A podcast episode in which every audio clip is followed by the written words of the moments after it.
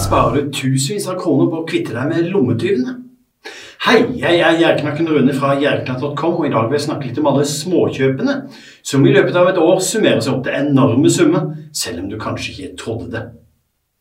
Hvor mye du kan spare på å bli bevisst på de såkalte lommetyvene, som sakte, men sikkert fjerner penger fra lommeboka og bankkontoen din, vil naturligvis variere.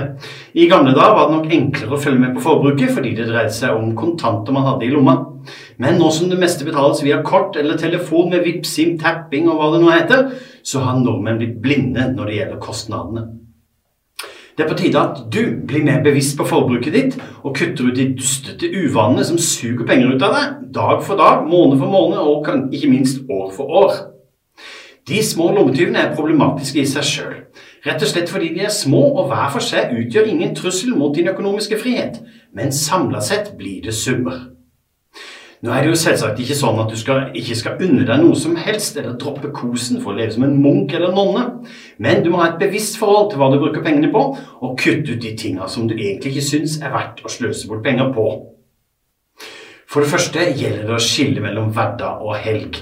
Lever du livet og ikke ser forskjell på forbruket ditt på tirsdag, torsdag, lørdag og søndag, er sjansen stor for at du øser ut med penger i øst og vest. Har du tatt en kikk på Luksusfellen på TV3 av og til, så har du kanskje også sett hvordan programlederne der må billedliggjøre sløsevanene til dem som deltar. Det vises frem årsforbruk av takeaway-pizza, cola, røyk og sånt.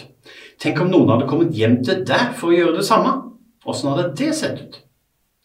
Første bud er selvsagt å kutte det som både koster penger, er usunt og gir deg noe særlig uansett, nemlig røyk eller snus. Du vet nok sjøl hvor mye du bruker på tobakk dersom du bruker sånt, men ta et par enkle eksempler. Kjøper du to 20-pakninger i uka, bruker du ca. 12 000 kroner i året på røyk. Nå er det kanskje ikke så mange som røyker lenger, men kanskje du bruker snus. Det er det mange som gjør. Kjøper du et par bokser i uka, går du for 10 000 kroner i året på å dytte noe under leppa. Er det verdt det? Men kanskje du er blant dem som reiser utenlands på harrytur, eller til og med kjøper lovlig eller ulovlig her og der. For å spare mest mulig på de dårlige uvanene, så er det uansett titusener av kroner som flyr ut av vinduet. I hvert fall tusenlapper. Det er lett å tenke at det er verken røyker eller snuser, så da er vel alt i orden. Men lommetyver gjemmer seg mange steder. La du være å ta med deg niste på jobb, og jeg handler heller en bagett hver arbeidsdag, går det fort i underkant av 10 000 kroner den veien også. Eller hva med deg som griper med deg en coffee to go på vei til jobb hver dag? Du bruker kjapt 5 000-10 000 kroner på noe du kunne ordna deg hjemme med en termos. Har du forresten tenkt over hvor mye du bruker på restaurantbesøk, festing, taxitur og sånt? Det burde du jammen undersøke i kontoutskriftene dine. Tusenlappene flyr fort når en har det gøy, og ikke minst når alkoholpromillen stiger. Men jammen kan det gå penger i matbutikkene også.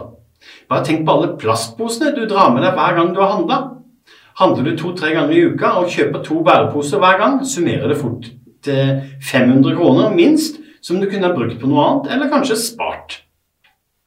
Har du forresten stått i kø noen gang ved kassa og grafsa med deg en pakke tyggis eller pastiller? Det er jo en grunn til at de står der. Dersom du gjør det en gang i uka, forsvinner 700-800 kroner til hvert år til sånt. Vel, du skjønner sikkert greia. Det gjelder å finne lommetyvene som gjelder nettopp det. Dessverre er du sikkert likedan som de fleste av oss andre. Du går i forsvarsposisjon og hevder at litt moro må man jo ha, det er jo lov å kose seg litt, eller er smartere enn som så. Tenk over hva du bruker penger på, og vær ærlig overfor deg sjøl.